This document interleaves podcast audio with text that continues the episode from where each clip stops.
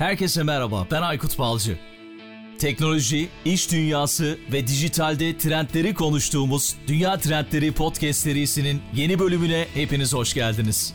Dünya Trendleri Podcast'in 57. bölümüne hepiniz hoş geldiniz. Bu bölümde yine kuantum konuştuk ve kuantum bilgisayarı konuştuk bu kez. Yılın son bölümü oldu. Gerçekten güzel bir bölüm oldu. Konuğum yine akademisyen ve Q Turkey platformu kurucularından Zeki Seskir.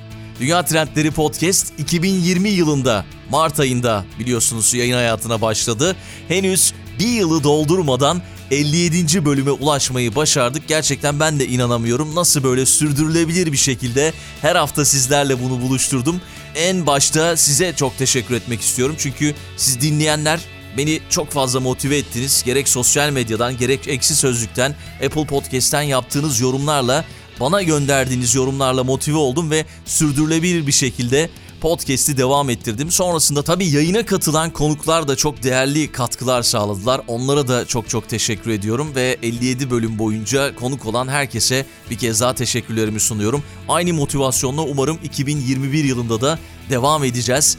Yeni yılda da yine güzel ve çok şey öğreneceğimiz bölümlerle tekrar sizlerle olacağımdan şüphem yok diye düşünüyorum. Birlikte öğrenmeye, gelişmeye ve üretmeye devam ederiz. Yeni yıl herkese önce tabii ki sağlık ve sonra mutluluk ve şans getirsin. Klasik bir yeni yıl temennisi oldu ama umarım 2021 yılında her şey gönlümüzce olur, her şey istediğimiz gibi olur, her şey yolunda gider. Sadece bunları düşünüyorum şu anda. Buna odaklanmış durumdayım. Sizler için de umarım böyle olur.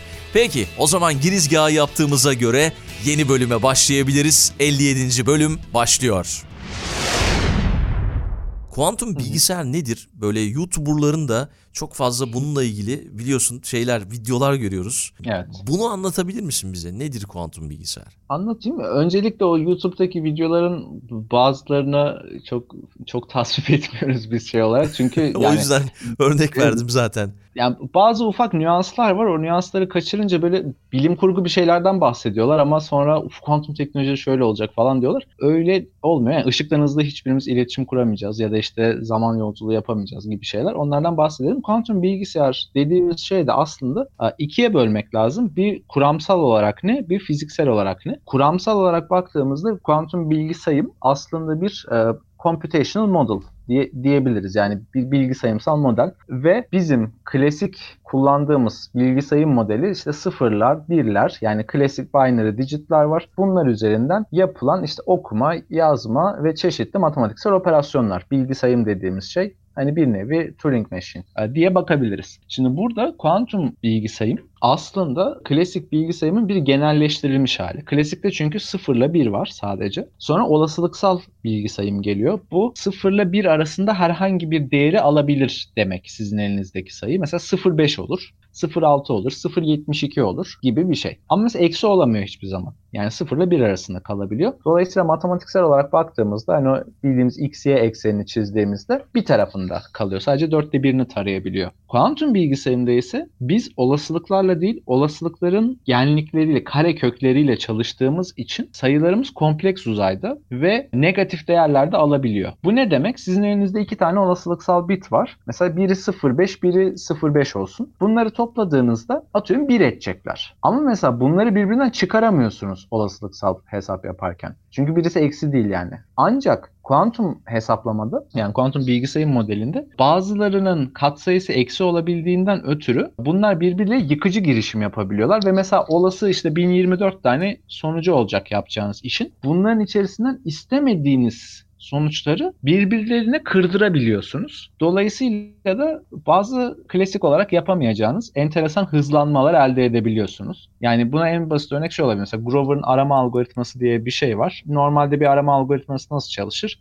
Ee, alır bir şeyi, bu benim elimdekine uyuyor mu uymuyor mu diye bakar. İşte sonra devam eder, bakar, devam eder. Bazı işte çok akıllıca hızlandırmalar da yapabilirsiniz ama aşağı yukarı yaptığı bu olur bir arama algoritmasında. Eğer ben bir telefon rehberinden birinin telefon numarasını biliyorum. O kişinin kim olduğunu bulmaya çalışıyorum mesela. Hı hı. Ne yaparım? Teker teker telefonlara bakarım. Çünkü telefonlar sıralı değil. Hani isim sırasına göre yapmışım ama telefon numarasını biliyorum. Ben onun kimin olduğuna dair elinizdeki tek imkan teker teker bakmak. Ama kuantum bilgisayarda şöyle bir şey yapabiliyorsunuz. Onların hepsini sisteme bir birbirleriyle süperpozisyon halinde besleyip ondan sonra onların içerisinden sizin aradığınız olmayanların birbirlerini yok etmesini sağlayacak ihtimallerinin birbirlerini yok etmesini sağlayacak bir algoritmayı çalıştırıp sonra çok yüksek ihtimalle sizin aradığınız numaranın gelmesini sağlayabiliyorsunuz. Hı. Ve bu mesela şunu sağlıyor. Atıyorum elinizdeki telefon rehberinin uzunluğu 1 trilyon girdisi olsun. Yani 10 üzeri 12 tane numara var orada. Siz bunu klasik olarak aşağı yukarı 10 üzeri 12 aramada bulabilecekken kuantum olarak 1 milyon adımda bulabiliyorsunuz. Bu zaman ne oldu? 1 milyon kat hızlanma sağladı aslında size. Bir kuantum algoritma kullanmanız arama olarak. Şimdi bu aslında çok ciddi bir hızlanma. Yani çünkü data boyutları büyüdükçe ve sizin onun içerisinde yapabileceğiniz aramalar arttıkça yani Google'ı düşünün mesela. Google'ın sizin aradığınız şeyi getirmesi için kullandığı sistemler çok ciddi bir şekilde hızlandırılabilir gibi duruyor. Tam tam öyle olmasa da Google'ın yöntemi farklı olduğu için. Bunun gibi bazı kuramsal şeyler var kuantum bilgisayarlara dair. Bir de fiziksel olarak ne oldukları var. Orada da bizim Di Vincenzo kriterleri dediğimiz 5 tane kriter var. Ha bunlar biraz teknik şeyler. İşte hani tüm sistemi işte sıfırlayabiliyor musunuz? İşte hepsini birbiriyle operasyon yapabiliyor musunuz vesaire gibi bazı kriterler var. O kriterleri sağlayan herhangi bir fiziksel sistem bir kuantum bilgisayar olabiliyor. O nedenle de işte hani süper iletken olabilir, fotonik olabilir, işte silikon bazlı olabilir, iyon tuzaklı olabilir. Bir sürü bir sürü farklı olası kuantum özelliğini sergileyebilen fiziksel sistemden kuantum bilgisayar yapabiliyorsunuz diye açıklayabilirim. Yani bir işin harbiden cihaz tarafı var, donanım. Bir de işin kuramsal, matematiksel şey kısmı var, teorik kısmı var. Biz aslında biraz daha yani yazılımla ilgilenenler olarak, e, kuantum yazılım alanıyla daha teorik kısma tekabül ediyoruz. Ne yapabiliriz diye. Çünkü bir, yapması ucuz. Yani elinizde gerçekten böyle hani işte 30 bin euroluk sensörler, işte 500 bin euroluk buzdolapları olmasına gerek yok Hı hı. bu işi yapabilmek için. İkinci olarak da yani ileride bu cihazlar geldiğinde evet işin mühendisliğini bilen, işin fiziğini bilen insanlar çok önemli olacaklar. Ama bunun topluma nasıl yansıyacağı işin yazılımcılarında bitecek. Çünkü yani bir fizikçi veya işte fizik mühendisliği veya kuantum mühendisliği alanında çalışan birisi bir bankacılık problemini bilmez bir biyoloji problemini bilmez. İşte bir kimya problemini bilmez. Onun işi o cihazı çalıştırmak. Ama o cihazı çalış o cihazın ne yapmak için çalışacağını o cihazı kodlayanlar karar verecek diyerek biz hani Türkiye'de aslında biraz kuantum yazılım farkındalığını arttırmak üzerine çalışmalar yapıyoruz. Hani bu bağlamda bir kuantum bilgisayar bizim nasıl işimize yarayacak diye bakarsak böyle yarayacağını düşünüyoruz. Hı hı. Kuantum bilgisayarlığın henüz ticari bir değere sahip olmadığını biliyoruz ve sen de şey dedin zaten ülkelerde bu teknolojiyi vermeyecekler kimseye. Yani bir kuantum bilgisayarı olursa bunu kimseyle paylaşmayacaklar gibi bir şey dedin yanılmıyorsam. Ve Cihazı cihazı erişim paylaşacaklar ama cihazın kendisini vermeyecekler. Hmm. Çünkü tek, aa, teknolojiyi paylaşmayacaklar an- anladım. Yani evet teknolojiyi paylaşmayacaklar, cihazları da vermeyecekler. Yani çünkü şöyle ciddi bir problem var. Bu cihazların yeteri kadar büyük olduklarında şifre kırma konusunda yani gösterilmiş çok büyük yetkinliğe sahipler. İnternetteki neredeyse e, bizim işte şifreli iletişimimizin tamamını kırabiliyorlar. Yeteri kadar büyüklerse. Hmm. Şimdi o nedenle de bunu ülkeler birbirlerine vermek istemeyecekler. Zaten bu olduğunda haberimiz olacak mı o da biraz şüpheli. Yani arka planda şey vardır bizim alanda. Yani aslında bu çok daha erken yapılacak dışarıya yansıdığından diye. Ama tabii orada da şu var. Yani alandaki neredeyse herkes aşağı yukarı birbirini bildiği için oradan bir gıybet çıkardı diye bekliyoruz. Yani o, o boyutta bir cihaz yapılmış olsaydı kesin birisinin kulağına gelirdi. Onlar da Twitter'da yazardı yani. O yüzden biraz daha savunmaya yönelik oynuyor şu an ülkeler. Seninle konuştuktan sonra şöyle bir Almanya'daki röportajlara falan baktım ve işte orada kuantum teknolojileri konusunda e, uzman bir kişiyle röportaj yapmışlar. İsmini hatırlamıyorum şimdi. Ona en çok sorulan soru şuymuş. Kuantum ne zaman geliyor sorusu soruluyormuş. Aslında sen şey dedin, programın başında sen şey dedin, işte ikinci devrimi yaşa- yaşamaya başladık dedin. Öyle bir şey de olmuş olabilir yani arka planda dönen şeylerin belki haberimiz olmadan dönen şeyler olabilir. Hani işin magazinsel bu- tarafında.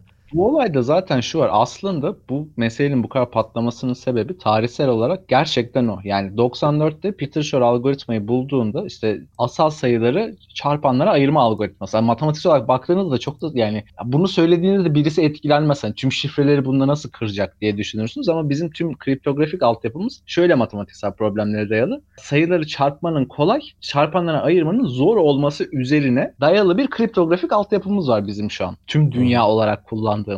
Ve bunun gibi benzer matematiksel problemler. Bunlara one way işte problem diyor. Yani bir tarafa doğru yapması kolay ama öbür tarafa doğru yapması zor problemler. Şimdi tüm kriptografik altyapı bunlara dayalı olunca ama bu problemleri tersine de çözmesi kolay olan bazı cihazların geliştirilmesi fikri ortaya atılınca bunu tabii ki işte yani Amerikan ordusu ve şeyler oradaki istihbarat birimlerinin çok hoşuna gidiyor. İşte bu alana DARPA projesi vermeye başlıyorlar. Bu alan üzerine çeşitli çalışmalar yapmaya başlıyorlar. Ve birkaç sene içerisinde şeyi fark ediyorlar. Tamam kağıt üstünde bu bunu yapar ama bunu gerçekten yapabilecek bir cihazın geliştirilmesi anlamsız pahalı. Yani çok yüksek bir iş gücü gerektiriyor. Çok yüksek bir e, know-how gerektiriyor. Daha henüz çözülmemiş hatta varlığından bile haberdar olunmayan mühendislik problemlerinin başarılı bir şekilde, verimli bir şekilde çözülmesi gerektiğini anlıyorlar ve sonra aslında biraz bundan vazgeçmeye başlıyorlar. Yani farklı Hmm. farklı şeylere bakalım. Sonra bu iş süper iletken teknolojilerindeki atılımlarla birlikte yapılabilirmiş gibi görünmeye başlayınca tekrar insanlar o alana dönüyor. Böyle 90'ların başı ile 2000'lerin sonu gibi yani oradaki 15 seneyi şey olarak düşünebiliriz. Hani bir böyle hype yükseliyor. Herkes heyecanlanıyor ilk başta. Sonra bu işin ne kadar zor olduğunu anlıyorlar. Sonra hani tamam bu devam etsin işte 2050'de yaparız gibi bir yaklaşıma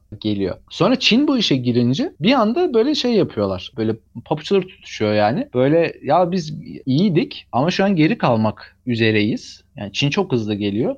O yüzden bizim şu an bu alana ciddi bir kamu yatırımı yapmamız ve işte bu alana öncelik vermemiz gibi e, gerekiyor gibi bir argüman ortada dönmeye başlıyor. Ben bundan çok emin değilim. İlk başta ben de buna çok inanıyordum. Çin çok hızlı geliyor, şöyle yapacak, böyle yapacak falan filan diye. Ama en azından gördüğüm kadarıyla yani patent üzerine falan da çalıştık biraz. Çinliler bilgisayardan ziyade savunma amaçlı kuantum teknolojilerine odaklanıyorlar. Yani dışarıdan gelebilecek e, bir kuantum saldırıya karşı kendi kriptografik altyapılarını koruma amaçlı yatırımlar yapmışlar uzunca bir süre.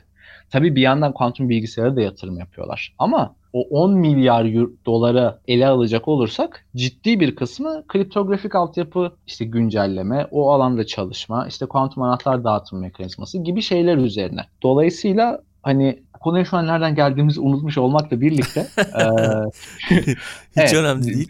dü- dünyada biraz bu iş yani rekabete dönmüş durumda ve bir de biraz da medyanın da şeyi var hani sürekli o quantum race bu işte ikinci uzay yarışı, ikinci bilmem ne yarışı gibi bir böyle dolduruş şeyi var. Amerikalılar bu konuda çok garip. Bana kesinlikle bir şey demiyor. Sürekli işte bu yarışı biz kazanmalıyız, bu hegemoniyi biz kazanmalıyız deyip duruyorlar. Başka birisi deyince de inanılmaz panik oluyorlar ve ko- şey yapıyorlar böyle. Ofend oluyorlar yani bundan. Nasıl siz bizi geçersiniz diye. Yani niye yani ne olacak? Siz her zaman birinci mi olmak zorundasınız her Yani. şeyde falan diye. O açıdan ben Amerikalıları çok anlamıyorum. Biraz garipler o konularda. Ama tabii tarihsel olarak bakınca bu alana en çok parayı onlar yatırmış. Bu alanda en çok iş gücü onlardan. En uzun süredir onlar çalışıyor. Fikirlerin çoğu Amerika'dan çıkma. Dolayısıyla yani ilk kuantum bilgisayar başka bir yerde yapılırsa da yani biraz eşeklik yapmış olacaklar kendileri. Hı hı. O bağlamda da haklılar yani onu da laf edemiyorum. Anladım. Buraya şuradan geldik. Kuantum bilgisayarların henüz ticari bir değere sahip olmadığını sordum. Nereden nereye geldik? Evet. Ve Ticari şey- değere sahip değil derken ya şöyle teknolojinin kendisi aslında çok değerli bir teknoloji. Yani bilgisayarı yapamasalar bile oradaki soğutma teknolojisi, oradaki sensör teknolojisi, oradaki süper iletken sistemler üzerine sağladıkları uzmanlık çok farklı yerlerde kullanılabilir. Şöyle bir örnek vereyim. Şimdi orada kullandıkları süper iletken sistemler biraz üzerine oynarsanız, farklı bir yerden yaklaşırsanız sensör olarak da kullanılabiliyorlar. Ve çok hassas sensör olarak kullanılabiliyorlar. Bu şunu sağlıyor. Mesela siz e, bunu atıyorum bir gravitometre olarak kullanabiliyorsunuz. Bu şu demek yer çek yani kütle çekimdeki bizim yer çekimi diye bildiğimiz şeydeki çok ufak oynamaları anlayabiliyor. Hı. Bunu da şöyle kullanabilirsiniz. Bir şeyin öz kütlesindeki değişimi anlamak için siz mesela havadan bir yeri taradığınızda oradaki farklı öz kütleleri haritalandırabilmeye başlıyorsunuz. E bu da ne demek? Yer altında maden mi var? Petrol mü var? Doğalgaz mı var? Farklı bir şey mi var? Çünkü her şeyin öz kütlesini biliyoruz aşağı yukarı. Dolayısıyla biz bunun haritası yapıldığında yerin ne kadar altında olduğuna bağlı olaraktan aslında bunun şeyini çıkarabiliyorsunuz. Haritasını çıkarabiliyorsunuz. O yüzden kuantum sensör sahibi olmak da güzel bir şey aslında. Yani bunu farklı şeylere de kullanabilirsiniz. Medikal olarak kullanabilirsiniz. Savunma amaçlı kullanabilirsiniz. Kuantum radar diye bir şey yapılmaya çalışılıyor. Bunu radar olarak kullanabilirsiniz. Yani pek çok farklı teknoloji de oradan çıkıyor aslında. Yani mesele sadece kuantum teknolojisi dediğimizde mesele sadece bilgisayar değil. Bunun çok çok böyle yanlara taşan bizim şeyde spillover efekt dediğimiz farklı sektörlerde taşan çok şeyleri var. Besleyici geri dönü, dönülen yönleri var. O yüzden ticari olarak bir değeri yok kesinlikle diyemeyiz. Yani cihazların zaten kendilerini parça parça satsanız bile her bir bilgisayarın en az ederi yani birkaç milyon eurodur. Hı hı. O nedenle şey ama yani gerçekten Söz- çok sözümü hani, geri aldım şu o an- zaman. Evet, yani şu an bir şey çözüyorlar mı? O ayrı bir konu. Şu an pratik olarak bir faydaları yok. Ama sadece varoluşlarıyla bile inanılmaz bir arge değeri katıyorlar herhangi bir yere. Hı hı. Bu arada sen ilk kuantum teknolojileri 1994 yılında ortaya çıktı gibi bir şey dedin yanılmıyorsam. Benim Yok, yaptığım Shor araştırmada diye spesifik bir algoritma 1994'te Ha, ha, çıkıyor. anladım, tamam. O da işte asal sayıları şey, çarp e, sayıları asal sayı çarpanlarına ayırma. Yani factorization algoritması 94'te ya da 95'te şu an şeyden tam emin olamadım. 94 yazıp 95'te yayınlamış olabilir. O zaman ortaya çıkıyor. Ondan önce de kuantum bilgisayar diye bir şey olacağını ta 80'lerden beri herkes yani herkes dediğim bu alandaki insanlar kuantum bilgisayar diye bir şey olacağını biliyorlar. Kuantum bilgisayar diye bir şey yapılması için de teorik olarak çalışıyorlar. Deneysel olarak da bir şeyler yapmaya çalışıyorlar. Ama bunun harbiden büyük bir işe yarayabileceğini aslında Peter Shor'la görüyoruz. Hı. Yani ondan önceki algoritmalar işte Doce-Josa ya da Doce algoritması gibi algoritmalar çok şey. Yani akademik makale algoritması. Onu hiç kimsenin hiçbir işine yaratamazsınız. Ama Shore'la birlikte şeyi gerçekten gösteriyorlar. Bakın ileride bu cihaz yapılırsa sırf bu algoritmayla bile dünyaya çok büyük etkisi olacak. Haberiniz olsun diye gösteriyorlar ve oradan ciddi bir yani ondan sonra ciddi bir fon akışı başlıyor bu alana. Anladım. Benim yaptığım araştırmalarda Gerard James Milburn ismi karşıma çıkmıştı. Dok- Evet. 1997 yılında kuantum teknolojisini ilk defa o atmış bu ifadeyi ortaya gibi. Ama çok Evet. daha ileriymiş yani senin de söylediğin gibi. Yok yani Daha kuantum yani. teknolojisi terimini e, Milburn'le Dowling ilk olarak isteyen 97 2000'lerin başında popülerize ediyorlar. Hani ondan önce ama yani bu işin ne- nereden çıktığına bakacak olursak aslında tarihsel olarak şey diyebiliriz. 1980'de MIT'de bir toplantı var. Physics of Computation diye. Orada o dönemin çok büyük işte e, Feynman'dır, Lander'dir e, o alanda çalışan fizikçileri var, teorisyenleri var. Ve orada şeyi konuşuyorlar. Hani biz bir fizikçi bakış açısından, fizik bakış açısından bu bilgi sayım, computation'ın sınırı nedir? Nereye kadar götürebiliriz? En iyi nasıl yapabiliriz? İşte en güçlü şekilde neleri simüle edebiliriz gibi e, ciddi tartışmalar yapılıyor ve işte bu Feynman'ın şey lafı da oradan çıkıyor aslında. Yani sonrasında çıkıyor. İşte hani Hı hı. doğa kuantum mekanikseldir. O nedenle hani işte Demit eğer şey yapacaksak bunu iyi bir şekilde simüle edeceksek bizim de bir kuantum bilgisayara ihtiyacımız var. Lafı oradan çıkıyor. Çünkü ta 1980'de şeyi görebiliyorlar MIT'de hani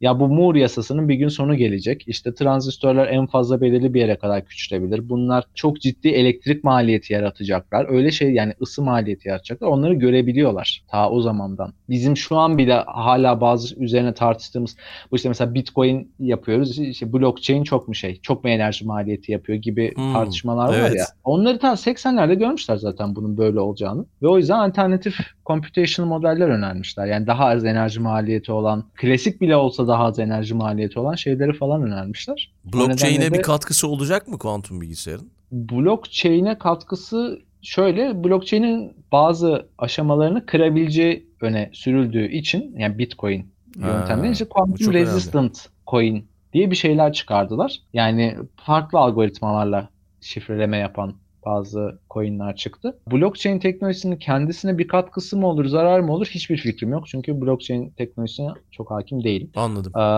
sadece coin konusunda işte şeyleri biliyorum. Çünkü onu özellikle yapmaya çalışan birileriyle tanışmıştım. Orada birkaç tane böyle şey var. Açık var. O yani sürecin tamamının içerisinde bir kuantum bilgisayarın exploit edebileceği yani kullanabileceği birkaç açık var. O açığı kapamaya falan çalışıyorlar şu an. Peki biraz bu hani YouTube'daki videolardan bahsettik ya ondan bahsedebiliriz. İşte hani böyle şeyler duyuyoruz. Kuantum bilgisayarla zaman yolculuğu mümkün mü gibi. Mümkün değil herhalde böyle bir şey. Söyledin zaten ama Yok, nedir değil. bu iş? Ben onun üzerine ben onun üzerine yazı yazdım. Onu hemen şey demek istiyorum. Çok şey ol, olduğum için. Onu paylaşırım ben zaten podcast'te. Ya orada aslında çok teknik bir şey yapıyorlar. Bir durumu daha önceki haline getirecek bir kuantum devre tasarlıyorlar ve bu hani durumları daha önceki hallerine getirip işte oradan ya çok teknik bir şey yani bizim normalde herhangi birisinin ilgisini çekmemesi gereken bir şey. Hı. Ama çalışmayı yapanlar haberi öyle bir duyurmuşlar ki kendi e, medyalarına yani üniversite şeyine e, basın birimine artık bu şekilde böyle zamanı geri çevirdik falan gibi bir şey demişler. Onlar da bunu almış işte ulusal medyaya vermişler. Physics Today'e falan öyle vermişler. Bizimkiler de oradan olduğu gibi çevirmişler. Ondan sonra zamanı geri çevirdiler. Zamanı yani açıp aşağısını okuduğunuzda öyle bir şey olmadığını görüyorsunuz aslında. Hiçbirisi zamanı geri çevirmiyor yani. Ama insanlar zaten yani blog yazılarının ya da işte haberlerin başlığını okuyorlar, girişini okuyorlar. Eğer üşenmiyorlarsa bir de son paragrafını okuyorlar. Başka bir şey okumuyorlar. Evet. O yüzden oraya siz işte fizik, bilmem işte MIT'deki fizikçiler zamanı geri çevirdi falan yazarsanız insanlar buna inanacaklar. Yani ben hatırlıyorum benim küçüklüğümde de belki hala vardır da Hürriyet arka sayfa bilim haberleri vardı. Her gün ölümsüzlük bulunuyordu. Her gün uzaylılar çıkıyordu. Yani hani onun şu an YouTube versiyonunu ya da işte blog versiyonunu Ya da. Twitter'da e, sadece içeriye bakmadan başlığa bakıyoruz yani. E, yapı- yapılıyor bunlar evet aynen. Peki şey yazıyı yazdım bununla ilgili bir yazı yazdım dedin onu ben paylaşırım. Aynı zamanda bir de gelecek ne zaman geliyor diye bir yazı kaleme almıştın. Bu konuda neler Ya o- söyleyebilirsin? O yazı başka bir yazının bir kısmıydı aslında. Oradaki mesele de şuydu. Şimdi teknoekonomik paradigma diye bir kavram var. Bu aslında biraz teknik bir kavram. İktisatçı yani teknoloji üzerine çalışan iktisatçıların 80'lerde ortaya attığı bir fikir. Şimdi iktisatta şöylesi bir kontradiyef dalgaları diye bir kavram vardır. Bu da aşağı yukarı her 50-60 senede bir kendini tekrarlayan bazı ekonomik paternler olduğunu öne sürer ve empirik olarak da bunu gösterebiliyorlar. Hani işte faiz oranıdır, işte reel ücretlerdir bilmem ne belirli bir yani dalgalanmayla gider ekonomi gibi bir argüman var.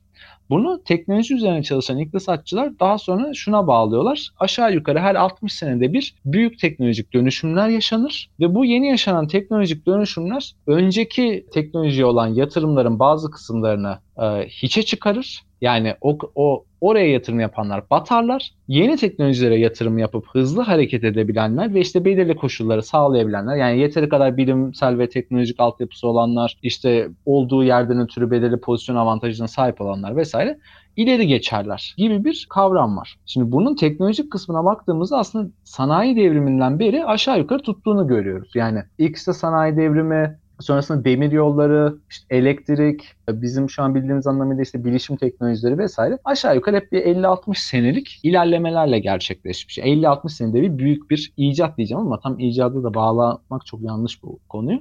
Hı hı. Dolayısıyla bu şu anlama geliyor. Biz yani 70'leri şey olarak alırsak, milat olarak alırsak bilişim tek yani bilgi ve bilişim teknolojilerinde şu aralar yavaş yavaş bir şeylerin değişmeye başladığını görmemiz lazım. Tüm indikatörler de bunu gösteriyor zaten. Yani patentleme oranlarına bakarsanız, akademik yayın oranlarına bakarsanız, eski ve yeni arasındaki bu paradigma konularına bakarsanız veya ülkelerin politikalarına bakarsanız çok ciddi bir yeni arayışı var. Yani bir sonraki büyük şey ne olacak diye herkeste bir arayış var. Bunun da sebebi aynı anda bir sürü yerde çok ciddi gelişmeler yaşanıyor. Yapay zeka inanılmaz bir gelişme. Biyoteknoloji üzerine şu an çok ciddi şeyler yaşanıyor. Bu yani üretim teknoloji, manufacturing üzerine özellikle işte Endüstri 4.0 falan dedikleri şeyler çok arka planda büyük değişiklikler yaratacak. IoT yani Internet of Things çok ciddi bir değişiklik yaratacak. Yani bir sürü yerden böyle oynamalar var ve şeye geliyoruz. Bir sonraki paradigmaya geçiyoruz aslında biz yavaş yavaş.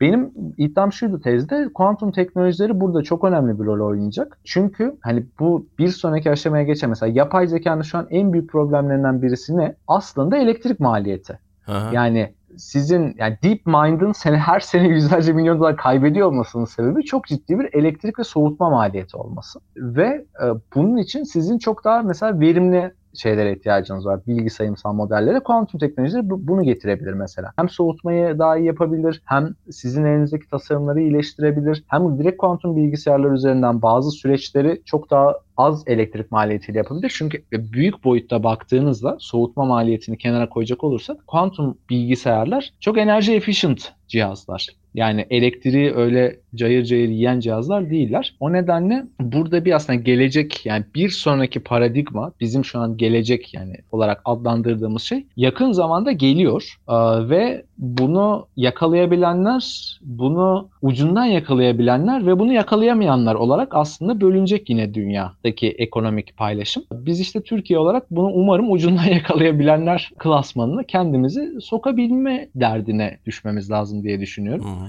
Çünkü yakalamış değiliz. Yapacak bir şey yok o konuda. Hani bazı trenler e, kaçmış olabilir. Zaten gitti diye bırakmanın da bir ma- manası yok. Anladım. Bu anlamda da siz bir farkındalık yaratmak için işte Q-Turkey platformunda gayet güzel işler yapıyorsunuz. Oradaki topluluk da çok değerli gerçekten.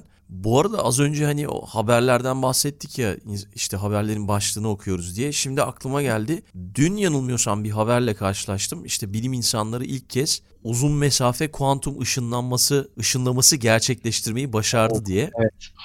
işte şimdi bunu başlığını okuyunca çoğu insan şöyle algılıyor. Işınlanma bulundu. Yani işte bir yerden bir yere Ama, gideceğiz. Tamamen tamamen kötü kelime seçiminden kaynaklı rezil yani, bir şey bu. Enteresan. Ee, ya şimdi Şimdi quantum teleportation diye bir şey var bizim alanda. Teknik bir mesele. Hı-hı. Bir kuantum durumun özelliklerinin e, başka bir yere bir klasik kanal üzerinde yapılan çeşitli aksiyonlar sonucu aktarılması. Aslında gerçekten ışın yani bizim açımızdan baktığımızda çok formal bir açıdan ışınlama var işin iş içinde. Ama yani ışınlanan şeyi bir kuantum sistemin özelliklerini öbür tarafa ışınlıyorsunuz. Fizik açısından baktığınızda bu iki sistem ayırt edilemez sistemler zaten. O nedenle aslında gerçekten siz bir şeyi yani bir bilgiyi ya da o bir parçacığı yani par parçacık demek çok şey olarak doğru olmaz ama yani bir fotonu ışınlamış oluyorsunuz. Ama bunun Türkçedeki karşılığı mesela bir hocamız şey işte, telenakil diye önermişti. Biri uz aktarım diye önermişti falan filan. Hani ışınlama deyince insanların aklına çok fazla Star Trek modeli hani işte Aynen. Direkt o geliyor herkesin geliyor. aklına. Evet ama öyle değil. Yani bu çok daha teknik bir şey ve işin biraz üzücü taraflarından birisi de kuantum teleportasyon protokolü bizim kuantum internet altyapısına geçtiğimizde her gün kullanacağımız bir şey olacak. O yüzden insanların bunu hani en azından yani bilim kurgudaki gibi değil de birazcık daha doğru haliyle öğrenmesi o açıdan önemli çünkü yani kuantum internet gelince hepimiz ışınlanabileceğiz diye haber çıkacağından ben adım gibi eminim ve e, kuantum internet de gelecek yani yani şeye bakmak lazım. Şu işte mesela Amerika'daki işte National Quantum Initiative Act'tan bahsetmiştik.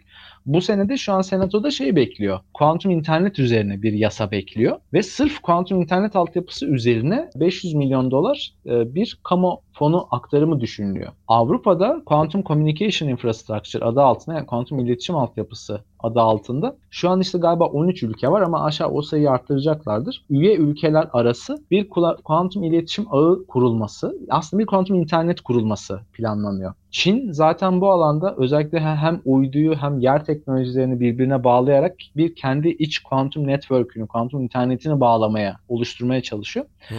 Ve Türkiye'de de mesela bu alanda proje önerisi olan insanlar var. Yani kuantum internet muhtemelen gelecek bir noktada hayatımıza. Ve biz ona şu an böyle hani bir bilim kurgu nesnesi gibi yaklaşmak tahminim odur ki gelmesine bir engel de yaratabilir. Yani böyle insanların yanlış ve garip beklentilerinin aslında yani ne işe yarıyor bu diye sorduğunuzda ve birisi gerçekten bir teknik cevap verdiğinde hiçbir şekilde tatmin olmayabilirsiniz. Çünkü ben ışınlanamayacaksam ne yapayım o zaman? Kuantum interneti diyecek insanlar eminim çıkacaktır bir yerlerde. Doğru, doğru. Evet yani o, o bağlamda da biraz bilim iletişimi ve bilimin popülerleştirilmesi konusunda en azından bir filtre böyle hani ya bu gerçekten mantıklı duruyor mu diye insanların düşünmesi önemli. Mesela şeyi yaşamıştım ben çok beni mutlu etmişti. Bu zaman yolculuğu konusunda işte yazdıktan sonra o yazıyı bir bilim iletişimi platformundan birileri benimle iletişime geçti ve işte hani teşekkür ederiz biz bunu hani yanlış iletmişiz. Yani yabancı kaynaktan öyle olduğu için yanlış iletmiştik. Şimdi onu düzeltiyoruz demişlerdi mesela. Bunun olduğunu görmek yani platformların da buna açık olduğunu yani sırf clickbait diye öbürünü de tutabilirlerdi onlar ve siteye muhtemelen daha çok insan gelirdi onların sitesine. Doğru. Ama onlar da mesela gerçek Yani doğrusu neyse onu aktarmayı isteyen insanlar.